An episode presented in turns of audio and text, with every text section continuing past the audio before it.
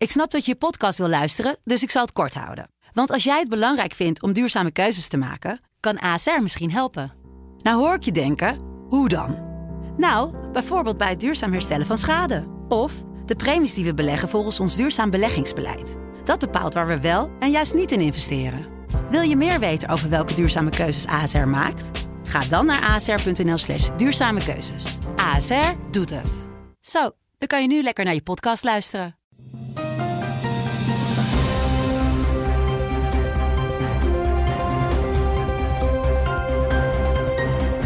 Dit is een podcast van de Telegraaf. In het land van Wierduk met Robert Ophorst. Donderdag 2 juli. Mijn naam is Robert Ophorst, nieuwsregisseur bij de Telegraaf. En we bellen vandaag weer met uh, Wiert Tuk. Wiert, zit lekker in je safe space. Alles wel? ja, ja. Dat, uh, net als uh, zoveel andere mensen heb ik tegenwoordig een safe space. Nee, uh, beleid is het als je je niet goed voelt, dan, dan, moet je even niet op de redactie komen. Aangezien ik uh, ziekig ben, uh, kan ik beter mij niet vertonen op de redactie. Dus doen we dit vanuit huis. Ja, ik hoop dat de luisteraars er klaar voor zijn, want we gaan een thema-uitzending maken. We gaan het vooral hebben, of eigenlijk alleen maar hebben, over racisme en met name Black Lives Matter. Um, laten we even beginnen met jou in Nederland van deze week. Want jij hebt gesproken met Hans Helgers, oud-partijvoorzitter van het uh, CDA. Was niet de eerste man die bij mij uh, opkwam in deze, in deze verwarrende tijden, maar jij dacht wel aan hem. Waarom?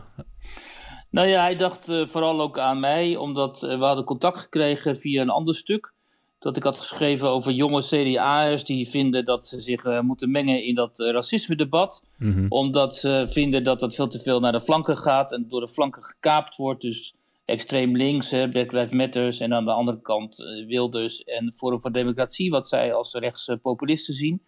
En Hans Helgers die had het stuk gelezen en die dacht, ja, die jongeren hebben helemaal gelijk. Um, normaal gesproken zeg ik niks over de politiek, want, en ook niet over andere maatschappelijke zaken, want hij is, zoals hij zelf zegt, bij uitstek een vertegenwoordiger van die bestuurlijke elite in Nederland. Niet alleen is hij uh, uh, voorzitter geweest van het CDA in de jaren negentig, maar ook heeft hij een tal van um, bestuursraden gezeten. Hij is gevangenisdirecteur geweest, hij is actief geweest voor de Rabobank, hij zat in de zorg, het onderwijs, dus noem maar op. Uh, Hans Helgers is dat maatschappelijke middenveld en dan ook nog eens oud-politicus. Dus met andere woorden, hij, zoals hij zelf zegt, hij is voor veel mensen tegenwoordig de vleesgevorde duivel, want de representant van het elitekartel. Mm -hmm. En nog een blanke um, man ook. En nog blank, en hij is ook nog eens een keer 65, dus hij is een oude witte man. Um, maar goed, op basis van zijn ervaringen in het verleden, toen hij te vaak zijn mond hield, vond hij tegenover een soort van politiek correct dictaat, vond hij dat het nu wel eens tijd was om dan, nou ja, één keer zijn mening te geven in een belangrijk debat. Kijk, in het racisme-debat zegt hij: zijn er twee sporen. Je hebt één groep, zowel zwarte als blanke, die gaan ervan uit dat er sprake is van een historische schuld van, bij blanken. Uh, dat is namelijk de historische schuld is de slavernij. En die slavernij maakt het mogelijk dat onze samenlevingen nu nog racistisch zijn. Dus racisme van nu is terug te voeren op de slavernij. Maar hij zegt van ja, maar dat is wel een ongemakkelijke waarheid, omdat de grote slavenhandelaren waren niet Nederlanders, maar het waren de Arabieren en de Turken. En de slavenjagers, die waren zwart.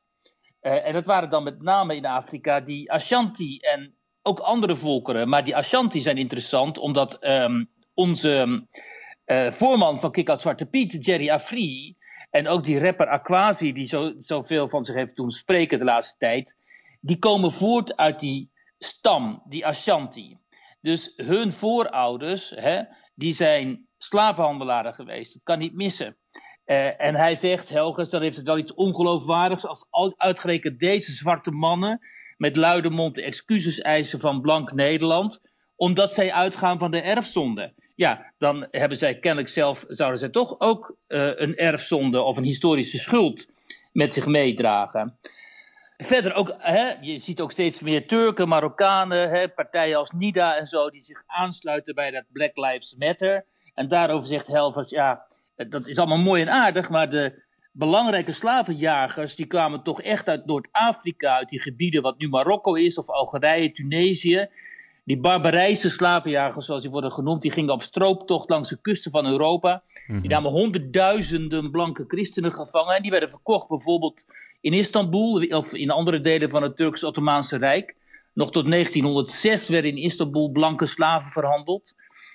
Hij had ook een leuke anekdote dat tot in de 19e eeuw was het gebruikelijk in Nederlandse kerken om collectebusjes neer te zetten om met dat geld Ja. tot slaafgemaakte stadgenoten in Noord-Afrika vrij te kopen. Wist jij dat dus die eigenlijk? hele, Dat hè, die hele emotie nu, wit is schuldig, zwart is slachtoffer, wit is de onderdrukte, zwart is, eh, wit is de onderdrukker, zwart is de onderdrukte, dat is flauwekul. Daders en slachtoffers waren aan alle kanten. In Suriname was er een hele bekende eh, plantagehoudster, Elisabeth Samson notabene, een zwarte vrouw, hè, die kwam uit een vrijgekochte eh, zwarte familie.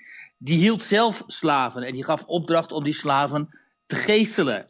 Dus het hele discours, het narratief, zoals ons dat wordt opgedrongen dag na dag na dag, uur na uur, door die activisten en door de media, we kunnen het niet vaak genoeg herhalen, dat programma Dit is M, dat notabene door de KRO en de NCV wordt gemaakt, twee omroepen die de, die, eh, de vertegen, wie vertegenwoordigt die het katholieke en het protestantse smaldeel in de Nederlandse samenleving, het burgerlijke midden, dat waren de KRO en de NCV.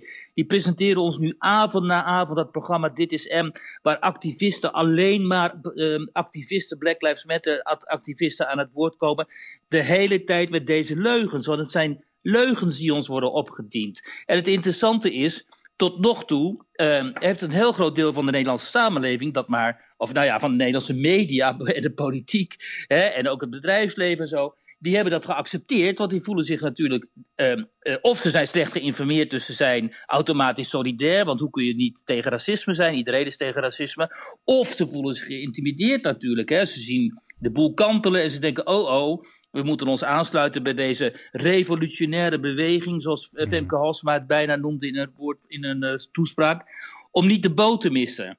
Ehm, maar interessant genoeg eh, wordt nu steeds eh, meer duidelijk hoe radicaal en ook hoe ehm, exclusivistisch eigenlijk deze beweging is. Ja. Ik ben ondertussen even aan het zoeken, aan het zoeken naar die toespraak van Femke Halsema. Ik, zal, ik moet even kijken wat ik die ook alweer heb, want die zei iets heel eh, interessants afgelopen eh, week bij die herdenking van Ja, zij eh, zei, het einde van de slavernij. Zij, heeft, eh, zij zei, eh, ze sprak van een Ja, kantelpunt. precies. Hier heb ik het. Hier heb ik het. Zij zei. Wat begon met een klein aantal activisten die het durfden om onrecht ter discussie te stellen en confronterende gesprekken aangingen, die genegeerd werden en belachelijk gemaakt, of vaker nog gehaat en bedreigd. Dan heeft ze het natuurlijk over Kick-Out Zwarte Piet hè, en Jerry Afri en Mitchell Jezaus en zo. Dat is in deze laatste maand uitgegroeid tot een onstuitbare nieuwe volksbeweging van moeders en dochters, vaders en zonen, grootouders en kleinkinderen. Van winkeliers, onderwijzers, verpleegkundigen en politieagenten. En ze had erbij kunnen zeggen, en het grootste deel van de Nederlandse publieke omroep.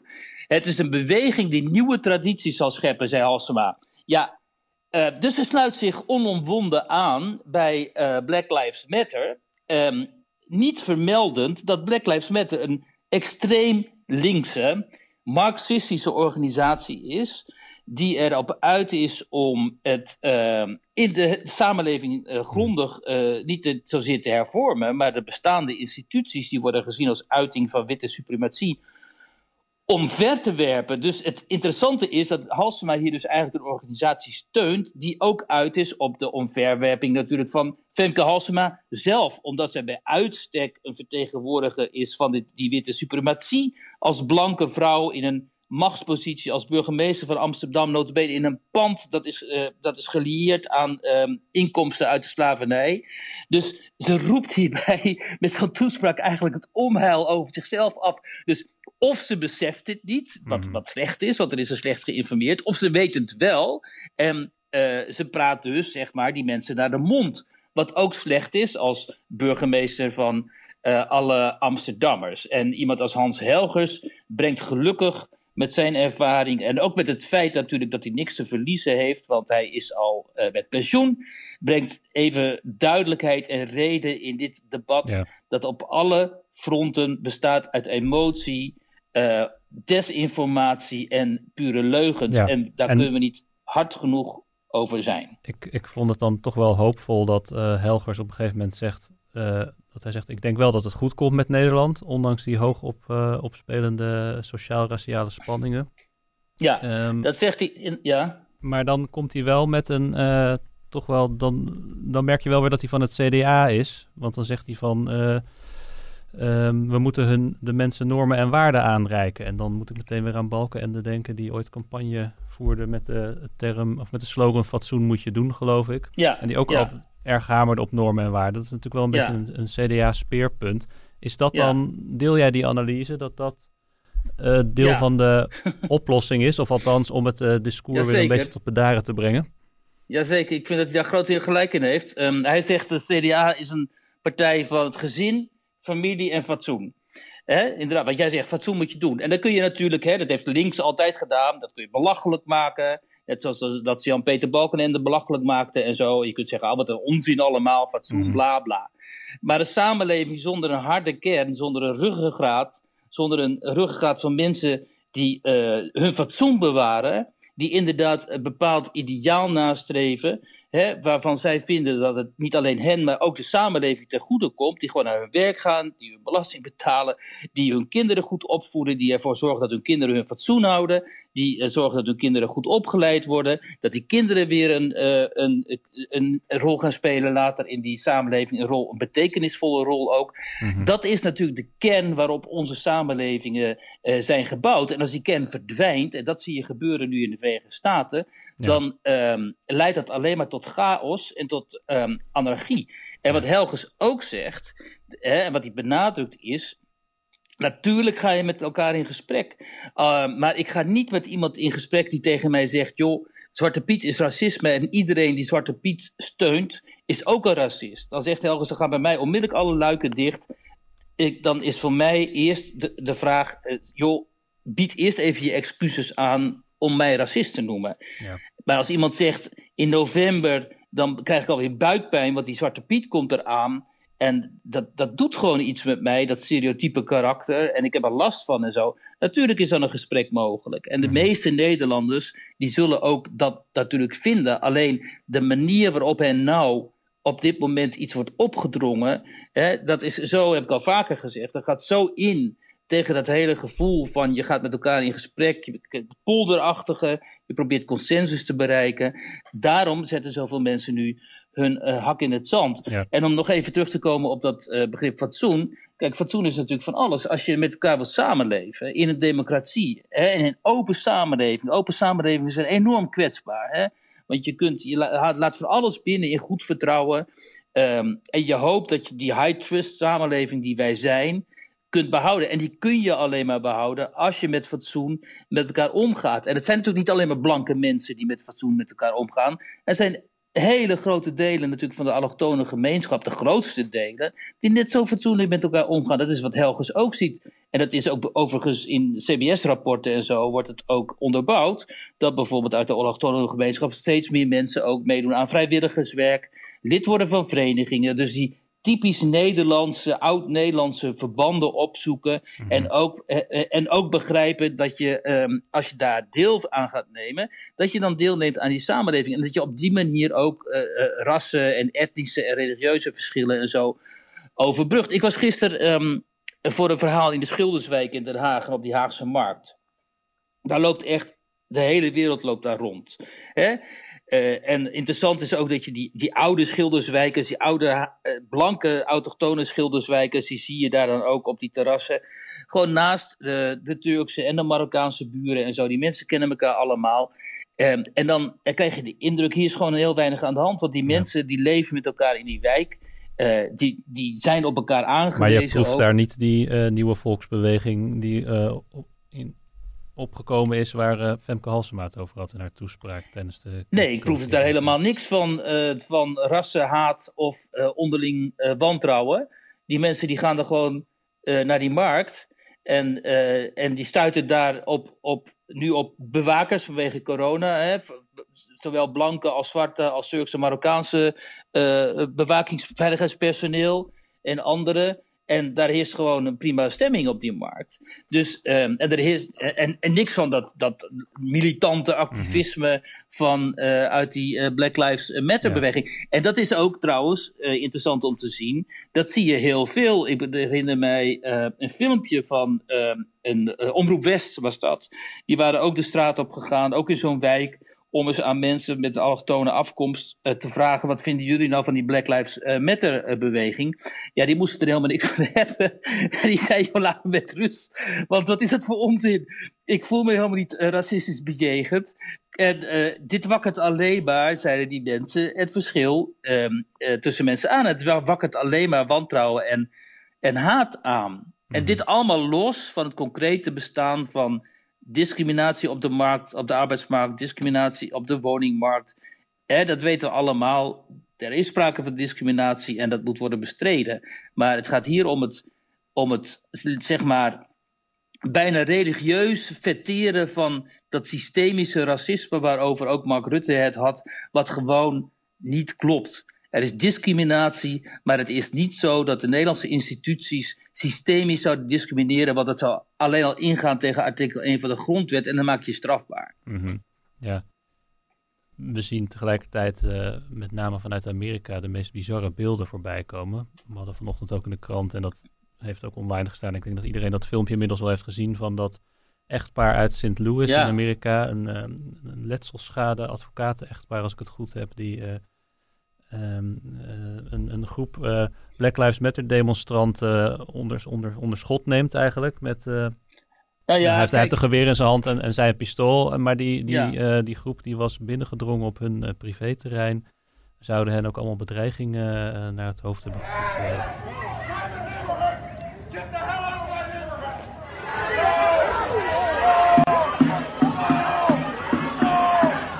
Ze waren trespassen, zoals dat heet.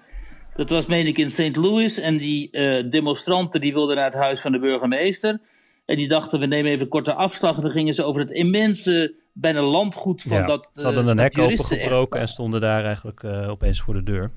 Ja, en ineens stonden die, met die, die man en die vrouw daar. Hij met een automatisch geweer en zij met een pistool stonden um, daar te zeggen: ja, uh, kom niet verder, want wij verdedigen ons uh, eigendom. En dat is dan in de ogen van de Europeanen heel raar. Zo'n zo'n heel rijk, uh, superrijk waarschijnlijk echtpaar, dat daar dan met dit soort type wapens, wat je hier bijna nooit ziet, behalve in bepaalde kringen, maar goed, wat we verder bijna nooit zien.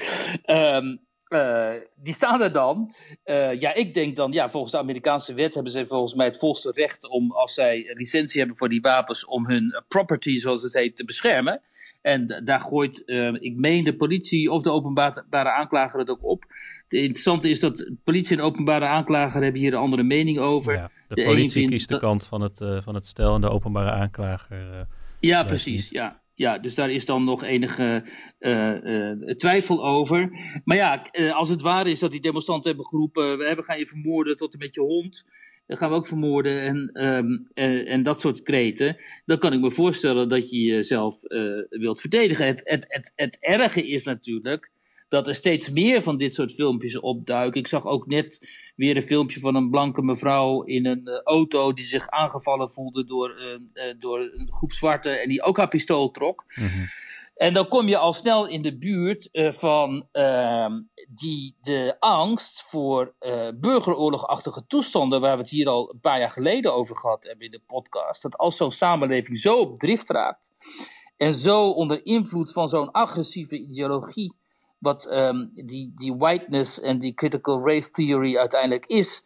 Als de, de grote groepen daardoor zo uh, opgejaagd worden en beïnvloed worden. En uh, uh, dan voelt een ander deel van de samenleving zich natuurlijk enorm uh, bedreigd. Mm -hmm. En die gaan in iedere zwarte activist misschien een potentiële terrorist zien. Ja. Um, dus je, die, die polarisatie, polarisering wordt alleen maar groter. En nu is Donald Trump ook niet het type om dan de vader van de natie te gaan spelen en te, proberen die gemoederen te bedaren.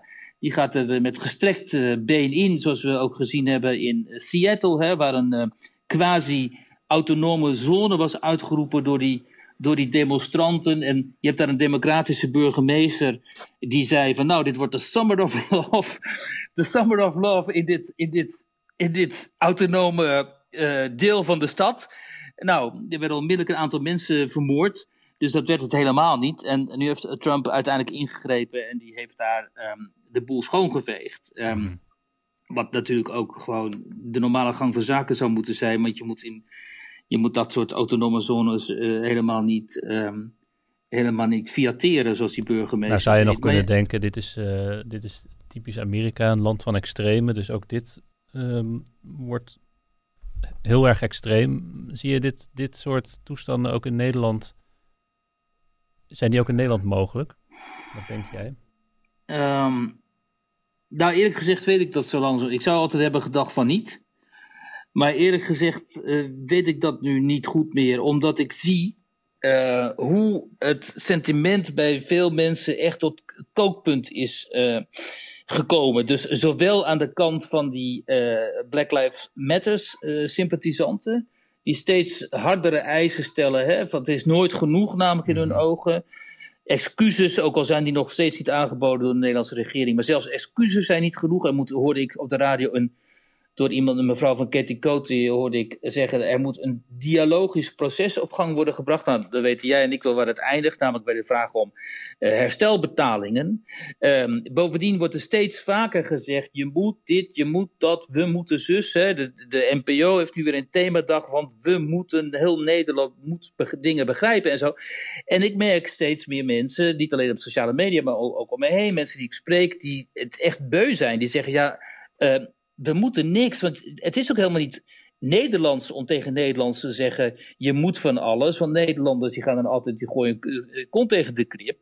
En die gaan dan uh, met de hakken in het zand ja. uh, staan. Dus um, heel veel eisend en heel veel en heel lang moet dit allemaal niet. heel nee. veel langer moet dit allemaal niet gaan duren denk ik. En, maar wat wel interessant is, is dat je mhm. nu ook een tegenbeweging Ja, daar, uh, daar wilde ik het ook even over hebben. Want je ziet wel wat verschuivingen her en der. Je ziet sowieso binnenkringen van, wat ik dan maar even noem, de social justice warriors. Dat mensen elkaar ook gaan bevechten. Dat, dat merk ik zelf ook wel langer als je dat soort mensen volgt. In mijn geval op Twitter.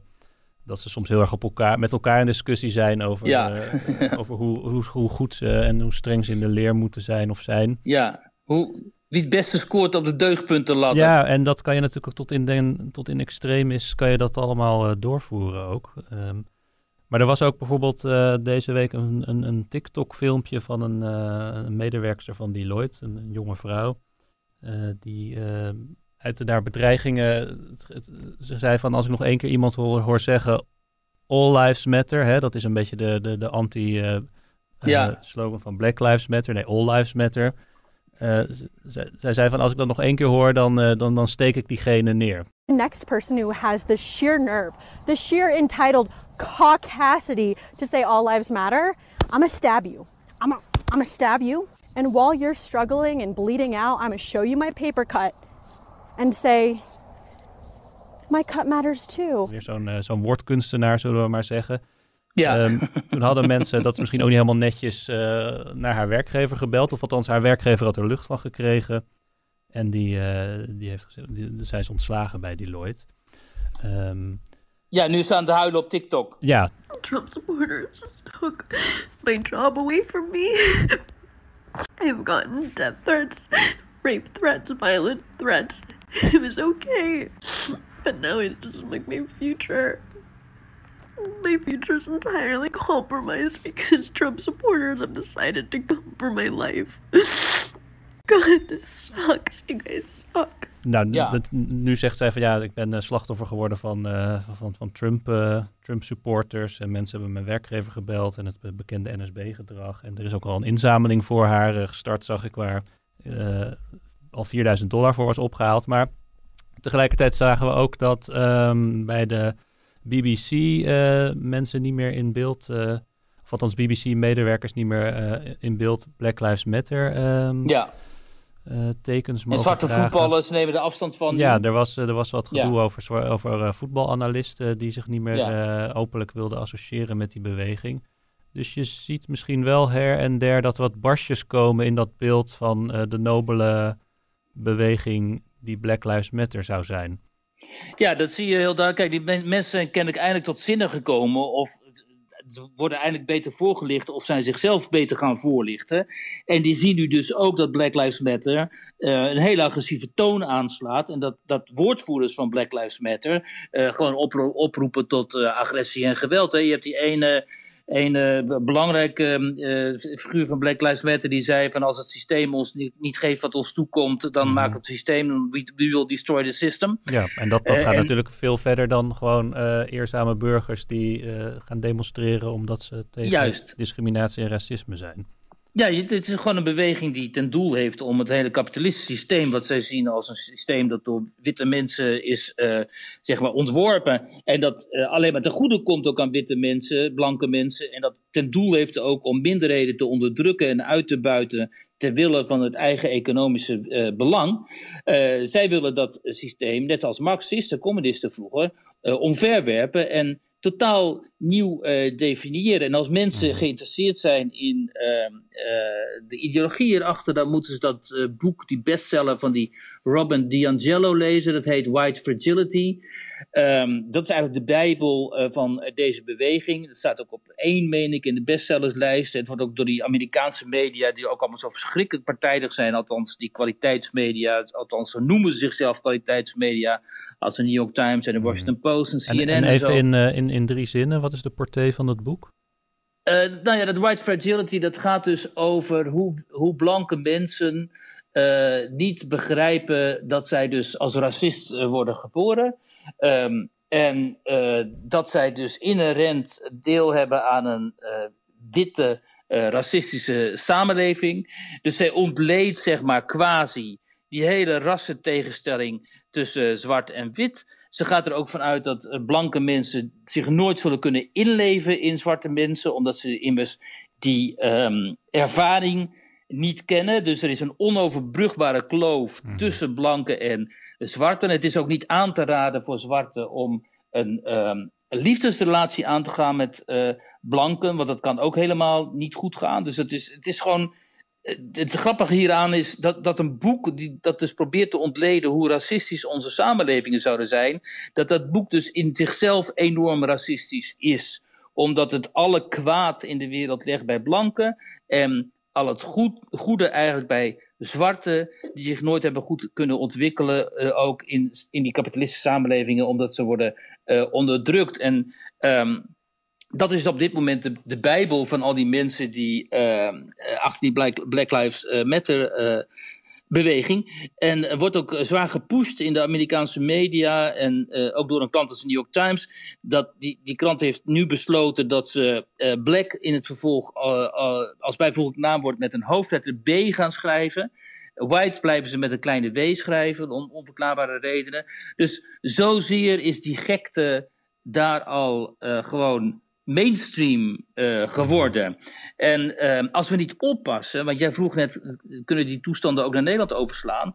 Nou ja, dat, dat, geweld op de straat, dat zie ik eerlijk gezegd niet gebeuren. Maar we zien dus bij onze publieke omroep en zo, die gekte natuurlijk avond na avond, wat ik eerder al zei, mm -hmm. bevestigen. En niet alleen bij Dit is M, ook bij programma's als Op 1 en zo, dit hele discours. Maar waar komt die schijnbare gretigheid dan vandaan bij dat soort mensen? Nou, omdat het dus kennelijk heel erg fijn is om uh, je schuldig te voelen. Kennelijk voelen heel veel blanke mensen zich op de een of andere manier toch wel uh, schuldig over al het leed in, in de wereld.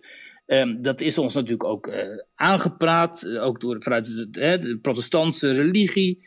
het schuldgevoel mhm. over um, het succes van het kapitalisme en over, wat, over het kolonialisme en zo natuurlijk. Dus, die oude analyse natuurlijk dat het Westen zich schuldig heeft gemaakt aan niet alleen aan kolonialisme, slavernij is daar onderdeel van. En we moeten, het is nu payback time. En uh, heel veel blanken die willen natuurlijk gewoon deel uitmaken van een groep die uh, zich in ieder geval moreel goed voelt. Als je je schuld bekent en je zegt: Oké, we zijn historisch, we dragen die schuld met ons mee. Wat kunnen we in godsnaam doen? We gaan eerst op onze knieën liggen. En wat kunnen we verder nog doen om die schuld af te kopen? Ja, dan, dan is, kan je een soort aflaat, wat vroeger de aflaten waren in de katholieke kerk. En die krijg je nu van, van die Black Lives Matter beweging. Alleen het interessante is dat het natuurlijk nooit ver genoeg kan gaan. Wat ik eerder al zei, ook Femke Halsema zal worden aangesproken uiteindelijk op het feit dat zij een geprivilegeerde blanke vrouw is. En dat daar een andere, andere vrouw zou moeten staan. Misschien wel met een diffuus gender, dat zou helemaal fijn zijn.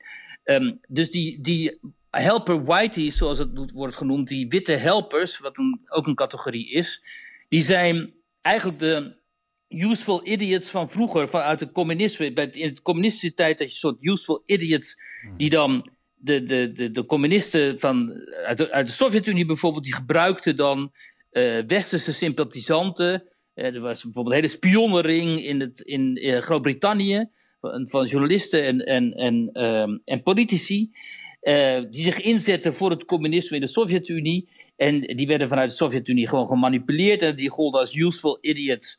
Um, en eigenlijk zijn die, white, die helper whiteys van nu um, een soort, soort gelijke figuren. Ze zetten zich in voor een zaak die ze uiteindelijk, waarin ze uiteindelijk zelf ten onder zullen gaan. Ja. En ik heb het nu steeds over de harde kern en de harde ideologie van Black Lives Matter. En niet voor mensen die gewoon hè, zich verzetten tegen racisme en iets willen doen voor de samenleving. Daar hebben we het nu niet over. Het gaat om de ideologie en om de harde kern en om te begrijpen waar dit vandaan komt en erop te wijzen dat het gevaarlijk is als bijvoorbeeld die publieke omroep zo massaal meegaat in dit verhaal zonder enig moment ter discussie te stellen waar komt dit nu precies vandaan, waar hebben we het nu precies over, wie zijn die mensen en moeten wij wel zo meegaan in dat verhaal.